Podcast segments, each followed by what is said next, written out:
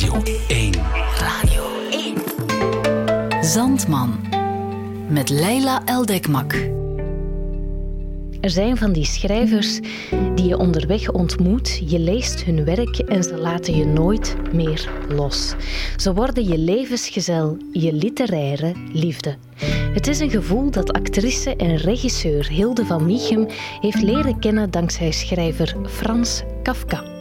Hij is een van de weinige schrijvers die het tot lemma in woordenboeken heeft geschopt en eeuwig een plekje heeft veroverd op het nachtkastje van Hilde van Miechem. Dit is haar virale vertelsessie. Zandman. Een hongerkunstenaar. In de laatste decennia is de belangstelling voor hongerkunstenaars zeer verminderd. Terwijl het vroeger de moeite loonde zulke grote voorstellingen onder eigen regie te geven, is dat tegenwoordig absoluut onmogelijk. Het waren andere tijden. Toen tijd hield de hele stad zich met de hongerkunstenaar bezig. Van hongerdag tot hongerdag steeg de belangstelling. Iedereen wilde de hongerkunstenaar op zijn minst eens per dag zien. Naderhand waren er abonnees die dagenlang voor de kleine getraliede kooi zaten. Ook s'nachts kwamen er bezoekers ter verhoging van het effect bij fakkellicht. Als het mooi weer was, werd de kooi naar buiten gebracht. En nu waren het vooral kinderen die de hongerkunstenaar mochten zien. Terwijl het voor volwassenen dikwijls niet meer was dan een vermakelijkheid, waaraan ze meededen omdat het nu eenmaal in de mode was, keken de kinderen verbaasd, met open mond, terwijl ze elkaar voor de zekerheid bij de hand hielden, ernaar hoe hij bleek in zijn zwarte tricot, met indrukwekkend uitstekende ribben, zelfs een stoel versmadend, op het op de grond gestrooide stro zat. Nu eens hoffelijk buigend, moeizaam glimlachend vragen beantwoordde, zijn arm zelfs door de tralies stak om te laten voelen hoe mager hij was. Dan weer helemaal in gedachten verzonken, zich om niemand bekommerde, zelfs niet eens om het slaan van de klok, het enige meubelstuk van de kooi, wat toch voor hem zo belangrijk was, maar met bijna gesloten ogen voor zich uitkeek en zo nu en dan een teugje water uit een heel klein glaasje nam om zijn lippen te bevochtigen. Behalve de steeds wisselende toeschouwers waren er ook de vaste, door het publiek uitgekozen opzichters. Vreemd genoeg gewoonlijk slagers, die, altijd met hun drieën, de opdracht hadden dag en nacht toezicht op de hongerkunstenaar te houden, zodat hij niet op de een of andere manier toch voedsel tot zich kon nemen. Dat was niets anders dan een formaliteit, ingesteld om het publiek gerust te stellen, want de ingewijden wisten wel dat de hongerkunstenaar nooit, onder geen enkele omstandigheid, zelfs niet onder dwang, ook maar het geringste gegeten zou hebben. De eer van zijn kunst gedoogde dat niet. Weliswaar kon niet iedere opzichter dat begrijpen. Het kwam dikwijls voor dat de nachtwakers de bewaking zeer laks uitvoerden met opzet in een ver verwijderd hoekje gingen zitten en zich daar in een kaartspel verdiepten. Klaarblijkelijk met de bedoeling de hongerkunstenaar in de gelegenheid te stellen een kleine versnapering tot zich te nemen, die hij volgens hen uit een of andere geheime voorraad tevoorschijn kon halen. Niets hinderde de hongerkunstenaar zo als zulke wakers. Zij maakten hem melancholiek. Zij maakten hem het vaste ontzettend moeilijk. Dikwijls overwon hij zijn uitputting en zong gedurende het waken, zong zolang hij het maar uithield om de mensen te tonen hoe ze hem ten onrechte verdachten. Toch hielp dat niet veel. Zij verbaasde zich dan over zijn handigheid om zelfs onder het zingen te eten. Veel liever had hij de opzichters die vlak bij de tralies gingen zitten. Geen genoegen namen met de sombere nachtverlichting van de zaal, maar hem met het licht van hun elektrische zaklantaarns beschenen, die de impresario tot hun beschikking stelde. Het schelle licht hinderde hem in het geheel niet. Slapen kon hij toch niet en een beetje dommelen kon hij altijd, bij iedere belichting en op ieder moment, zelfs in de stampvolle, lawaaiige zaal. Hij was zelfs graag bereid met zulke wakers de hele nacht zonder te slapen door te brengen. Hij was bereid met hen te schertsen, hen verhalen uit zijn zwerversleven te vertellen, dan weer naar hun verhalen te luisteren, Alles alleen om hen wakker te houden, om hun voortdurend weer te kunnen tonen dat hij niets eetbaars in zijn kooi had en dat hij vastte zoals zij het geen van alles zouden kunnen.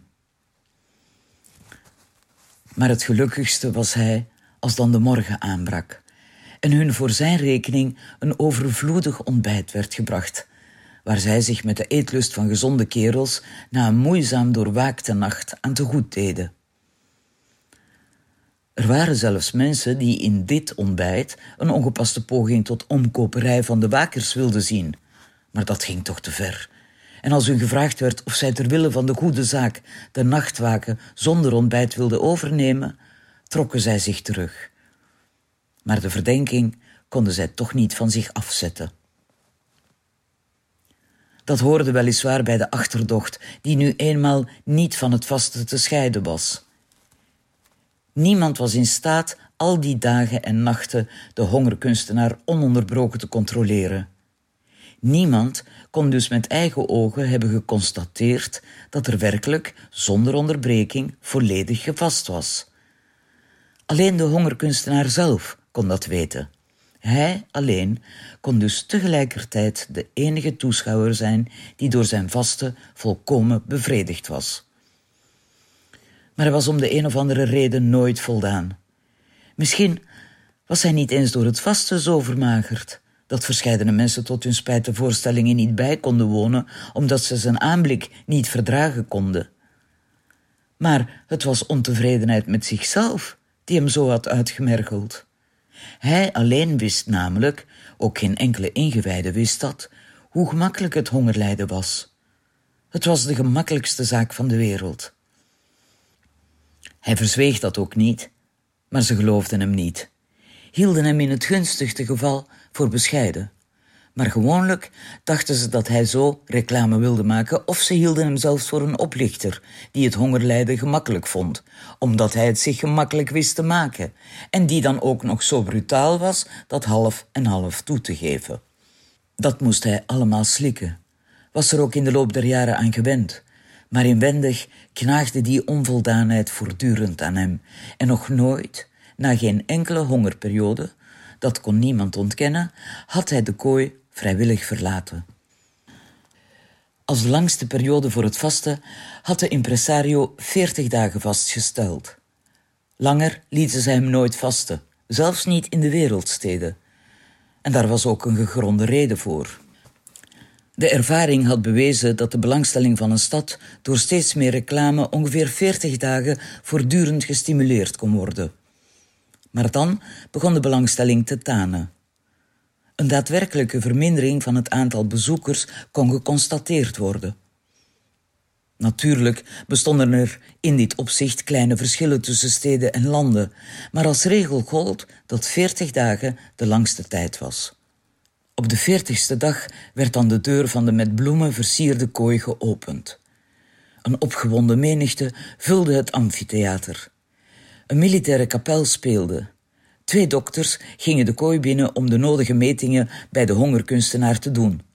Door een megafoon werden de uitkomsten aan de zaal meegedeeld. En tenslotte kwamen er twee jonge dames, blij dat zij juist waren uitgekozen, en wilden de hongerkunstenaar de paar trapjes uit de kooi naar een klein tafeltje afhelpen, waar zorgvuldig uitgekozen ziekenkost voor hem klaar stond. En op dat ogenblik verzette de kunstenaar zich altijd. Wel legde hij nog vrijwillig zijn skeletachtige armen in de behulpzaam uitgestrekte handen der meisjes, die zich naar hem toe bogen, maar opstaan wilde hij niet. Waarom juist nu, na veertig dagen, ophouden? Hij zou het nog lang, onbepaald lang hebben kunnen uithouden. Waarom nu ophouden, terwijl hij in zijn beste, ja, nog niet in zijn allerbeste hongervorm was? Waarom gunde zij hem de roem niet nog verder te vasten? Niet alleen de beste hongerkunstenaar uit alle tijden te worden, die hij waarschijnlijk al was, maar ook zichzelf nog te overtreffen tot in het onbegrijpelijke. Want aan zijn capaciteit om te vasten voelde hij geen grenzen. Waarom hadden al die mensen die net deden alsof ze hem zo bewonderden, zo weinig geduld met hem? Als hij het uithield nog langer te vasten, waarom konden zij het dan niet uithouden? Hij was ook moe, zat op zijn gemak op het stro en nu moest hij recht overeind gaan staan en gaan eten. De gedachte alleen maakte hem al misselijk. Maar met het oog op de jonge dames onderdrukte hij dat gevoel met moeite. En hij keek de schijnbaar zo vriendelijke, maar in werkelijkheid zo vrede meisjes aan en schudde zijn hoofd, dat topzwaar op de dunne hals stond. Maar dan gebeurde wat altijd gebeurde. De impresario kwam, hief zwijgend, de muziek maakte spreken onmogelijk, zijn armen omhoog, alsof hij de hemel aanriep op haar werk, hier in dit stro, neer te zien. Op die meelijwekkende martelaar, die de hongerkunstenaar ongetwijfeld was. Alleen in een heel andere zin.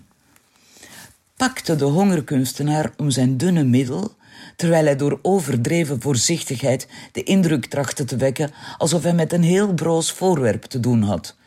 En gaf hem dan, niet zonder hem stilletjes een beetje te schudden, zodat de hongerkunstenaar met zijn benen en zijn bovenlijf machteloos heen en weer zwaaide, aan de twee nu doodsbleke jonge dames over. Nu liet de hongerkunstenaar met zich zollen. Zijn hoofd hing op zijn borst het leek alsof het daarheen gerold was en op onverklaarbare wijze liggen bleef. Zijn lichaam was uitgehold. Zijn knieën waren in een drang tot zelfbehoud dicht tegen elkaar geklemd. Maar zijn benen sleepten zich toch over de grond, alsof het geen vaste grond was. De vaste grond zochten ze juist. En het gehele, hoewel zeer geringe gewicht van het lichaam, rustte op een van de jonge dames, die hulpzoekend, hijgend, zo had zij zich die eervolle onderscheiding niet voorgesteld. Eerst haar hals zo ver mogelijk uitrekte, om althans haar gezicht een aanraking met de hongerkunstenaar te besparen. Maar dan, daar dit niet gelukte, en haar gezellin, die het beter had getroffen, haar ook niet te hulp kwam, maar er zich mee vergenoegde, bevend de hand van de hongerkunstenaar, dat kleine hoopje beenderen, voor zich uit te houden, onder het verrukte gelach van het publiek in tranen uitbarstte en door een knecht die al lang klaar stond afgelost moest worden. Dan kwam het voedsel, waarvan de impresario, de hongerkunstenaar die in een bijna bewusteloze toestand verkeerde, wat ingoot. Onder opgewekt gebabbel dat de aandacht van het publiek van de toestand van de hongerkunstenaar moest afleiden. Dan volgde nog de toast, die op het publiek werd uitgebracht, die de hongerkunstenaar, zogenaamd de impresario, had ingefluisterd. Het orkest bekrachtigde alles met een geweldige fanfare. Het publiek verspreidde zich en niemand had enige reden om ontevreden te zijn met het schouwspel. Niemand. Alleen de hongerkunstenaar zelf. Altijd alleen hij. Zo leefde hij vele jaren met kleine, regelmatige tussenpozen in schijnbare glorie door de wereld geëerd, maar intussen toch meestal in sombere stemming, die nog somberder werd omdat niemand ze serieus op kon nemen.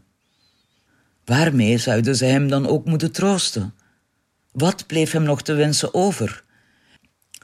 En als er eens een hartelijk mens was die medelijden met hem had en hem uit wilde leggen dat zijn somberheid waarschijnlijk door het vasten kwam, kon het gebeuren dat de hongerkunstenaar, vooral als hij al geruime tijd bezig was te vasten, met een uitbarsting van woede reageerde en tot grote ontsteltenis van iedereen als een wild dier aan de tralies begon te schudden. Maar voor dergelijke aanvallen had de impresario een middel om hem te straffen. Een middel dat hij graag toepaste. Hij verontschuldigde de hongerkunstenaar tegenover het verzamelde publiek, gaf toe dat alleen de door het vaste veroorzaakte prikkelbaarheid, die door goed doorvoede mensen nauwelijks begrepen kon worden, het gedrag van de hongerkunstenaar vergeeflijk kon maken. Begon dan in verband daarmee ook over de bewering van de hongerkunstenaar dat hij nog veel langer zou kunnen vasten dan hij vastte prees de grote eerzucht, de goede wil, de grenzeloze zelfverloochening, die zeer zeker in die bewering lagen opgesloten, maar probeerde dan dood eenvoudig die bewering te weerleggen door het tonen van foto's die tevens verkocht werden. Want op die foto's zag je de hongerkunstenaar op de veertigste dag in bed, half dood van uitputting. Deze verdraaiing van de waarheid, waar de hongerkunstenaar aan gewoon was, maar die toch altijd weer opnieuw een zenuwslopende uitwerking op hem had, was hem te erg. Het gevolg van het te vroege einde van zijn hongerperiode werd hier als oorzaak voorgesteld. Tegen dergelijk wanbegrip, tegen die wereld van domheid te vechten, was onmogelijk. Telkens weer luisterde hij goedgelovig met gespannen aandacht aan de tralies naar de impresario. Maar als de foto's voor de dag kwamen, liet hij iedere keer de tralies los, zonk zuchtend op het stro neer en het gerustgestelde publiek kon weer dichterbij komen en hem bekijken. Wanneer de getuigen van dergelijke vertoningen er na een paar jaar nog eens aan dachten, begrepen zij dikwijls zelf niet meer wat ze daar deden. Want intussen was de al eerder vermelde ommekeer ingetreden. Dat was bijna plotseling gebeurd. Misschien waren er gegronde redenen voor, maar wie interesseerde het genoeg om ze te onderzoeken? In ieder geval werd de verwende hongerkunstenaar opeens door het uitgaande publiek verlaten, dat liever naar andere voorstellingen stroomde. Nog één keer joeg de impresario half Europa met hem door, om te zien of de oude belangstelling misschien nog hier of daar te vinden was. Alles tevergeefs. Alsof het een stilzwijgende afspraak was, had zich overal juist een afkeer van het vaste als publieke vermakelijkheid ontwikkeld. Natuurlijk had dat niet werkelijk zo plotseling kunnen gebeuren, en ze herinnerde zich nu achteraf verscheidene voortekens waaraan in de roes van het succes niet genoeg aandacht was geschonken, die niet genoeg onderdrukt waren. Maar het was nu te laat om er nog iets tegen te doen. Wel stond het vast dat er ook voor het vaste weer een tijd zou komen, maar voor de levende was dat een schrale troost. Wat moest de hongerkunstenaar nu doen? Hij, die door duizenden was toegejuicht, kon zich niet in een tentje op kleine kermissen laten bekijken. En voor het kiezen van een ander beroep was de hongerkunstenaar niet alleen te oud, maar ook te fanatiek aan het vaste verknocht. Hij nam dus afscheid van de impresario, zijn partner in een loopbaan zonder weerga, en liet zich door een groot circus engageren. Om zijn gevoelens te sparen, keek hij het contract niet eens in. Een groot circus met zijn talloze elkaar steeds aanvullende en tegen elkaar opwegende mensen en dieren en apparaten kan altijd iedereen gebruiken. Ook een hongerkunstenaar, wanneer zijn eisen naar evenredigheid bescheiden zijn. En bovendien was het in dit bijzondere geval niet alleen de hongerkunstenaar zelf die geëngageerd werd, maar ook zijn oude beroemde naam. Ja, je kon door de eigenaardigheid van deze kunst die bij het voortschrijden der jaren niet afnam, niet eens zeggen dat een uitgediende kunstenaar, die niet meer op het hoogtepunt van zijn kunnen stond, zijn toevlucht wilde nemen tot een rustig circusbaantje. Integendeel. De hongerkunstenaar verzekerde dat hij, wat zeker geloofwaardig was, even goed kon vasten als vroeger. Ja, hij beweerde zelfs dat hij, als ze hem zijn gang lieten gaan, en dat beloofde ze grif, nu de wereld pas in verbazing zou brengen. Een bewering overigens waarvoor de vaklui, met het oog op de veranderende tijdsomstandigheden die de hongerkunstenaar in zijn ijver licht vergat, alleen maar een glimlachje over hadden. In de grond van de zaak verloor de hongerkunstenaar de werkelijke situatie geenszins uit het oog en vond het heel natuurlijk dat ze hem met zijn kooi niet als glansnummer midden in de manege zetten maar hem buiten op een overigens goed bereikbare plek dicht bij de stallen onderbrachten. Grote, bonte affiches omlijsten de kooi en verkondigden wat daar te zien was. Als het publiek in de pauze van de voorstelling naar de stallen drong om de beesten te bekijken, was het bijna onvermijdelijk dat het langs de hongerkunstenaar kwam en daar een ogenblik bleef staan, ze zouden misschien langer bij hem gebleven zijn als in de smalle gang de mensen die achter hen opdrongen, die dit oponthoud op de weg naar de opwindende stallen niet begrepen, een langer, rustiger bezoek niet onmogelijk hadden gemaakt.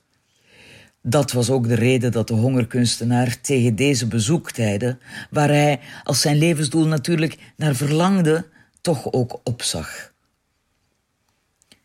In de eerste tijd had hij de pauze nauwelijks af kunnen wachten.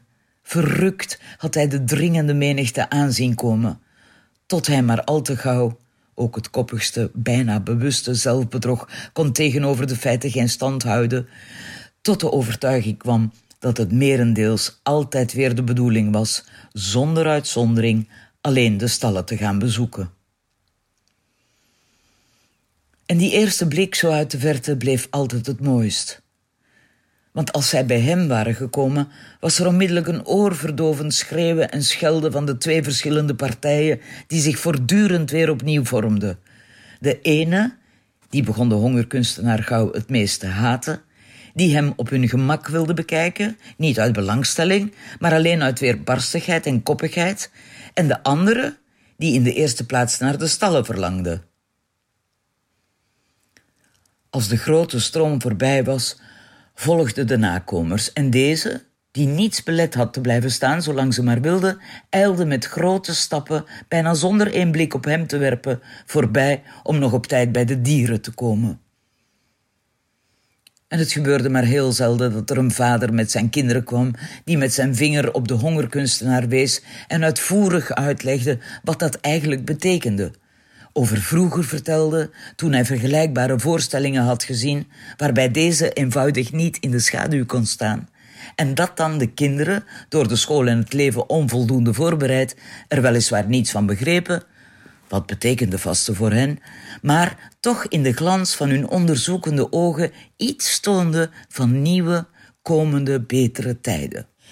Misschien, zei de hongerkunstenaar dan dikwijls in zichzelf, zou alles toch nog wat beter kunnen worden als zijn standplaats niet juist zo dicht bij de stallen was.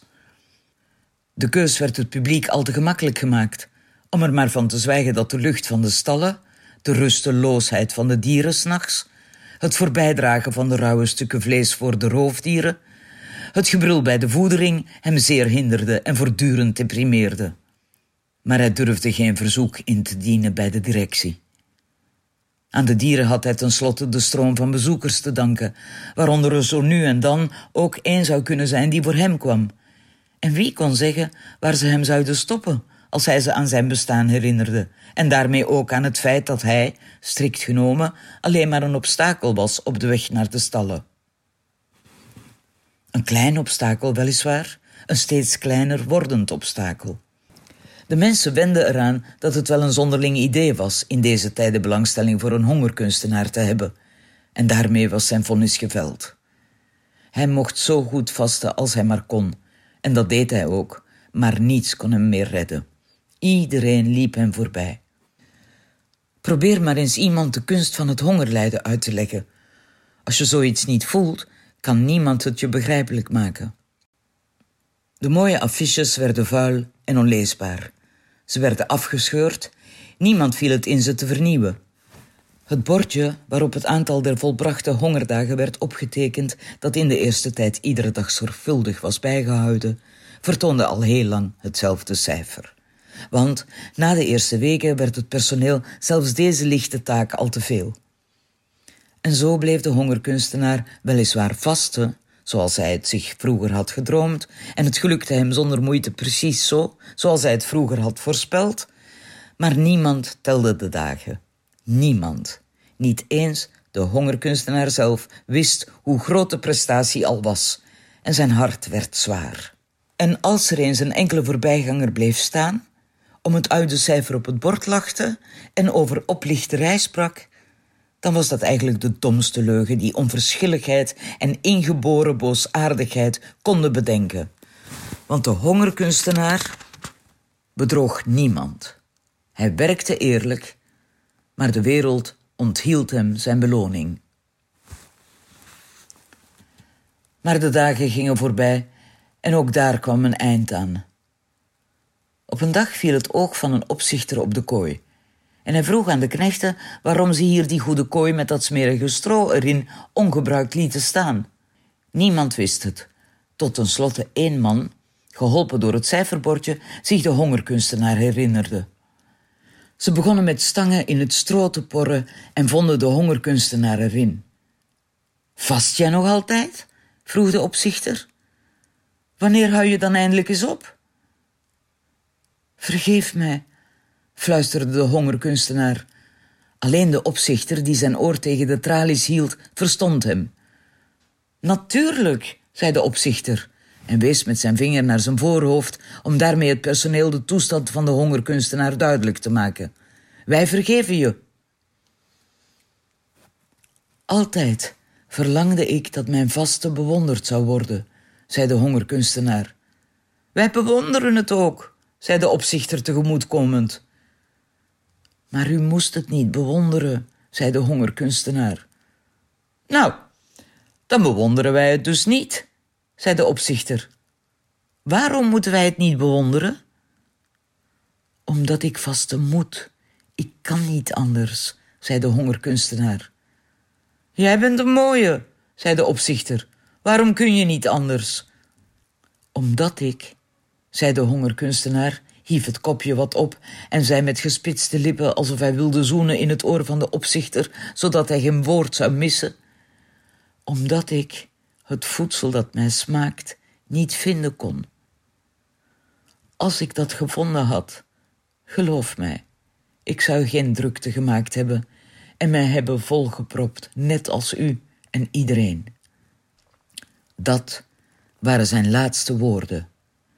Maar in zijn gebroken ogen was de vaste, zij het niet meer trotse overtuiging dat hij verder vastte. Ruim die rommel nu maar op, zei de opzichter, en ze begroeven de hongerkunstenaar met het stro.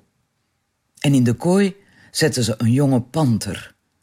Zelfs voor het meest afgestompte gevoel was het een verlichting om in de kooi, die zo lang leeg was geweest, dit wilde dier te zien rondspringen. Het ontbrak hem aan niets. Zonder aarzelen brachten de oppassers hem het voedsel dat hij lustte. Zijn vrijheid scheen hij zelfs niet te missen. Dit edele lichaam, bijna tot barstes toe van al het nodige voorzien, scheen ook de vrijheid in zich te dragen. Zij huisde ergens in zijn gebit. En zijn levensvreugde stroomde met zo'n vurige gloed uit zijn strot dat het voor de toeschouwers bijna niet te verdragen was. Maar ze vermanden zich, verdrongen zich om de kooi en waren er bijna niet vandaan te krijgen.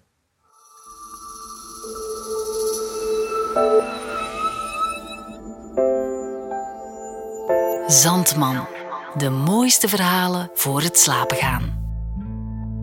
Dit was actrice en regisseur Hilde van Michem met haar keuze de bundel Een hongerkunstenaar van Frans Kafka. Deze virale vertelsessies zijn een onderdeel van het programma Zandman op Radio 1. Heb je genoten van de aflevering? Geef deze dan ook een recensie in je app of suggereer ze aan je vrienden, familie en collega's. We hebben trouwens bij Radio 1 nog prachtige podcasts. Als je van het medium houdt, neem dan zeker ook een kijkje bij mijn collega's. Zo is er de beklijvende reeks Moeders ten Laste, de podcast van het programma Interne Keuken, De Wereld van Sophie of Nieuwe Feiten en nog zoveel meer. Genoeg om je avonden, loopsessies en strandwandelingen nog mooier te maken.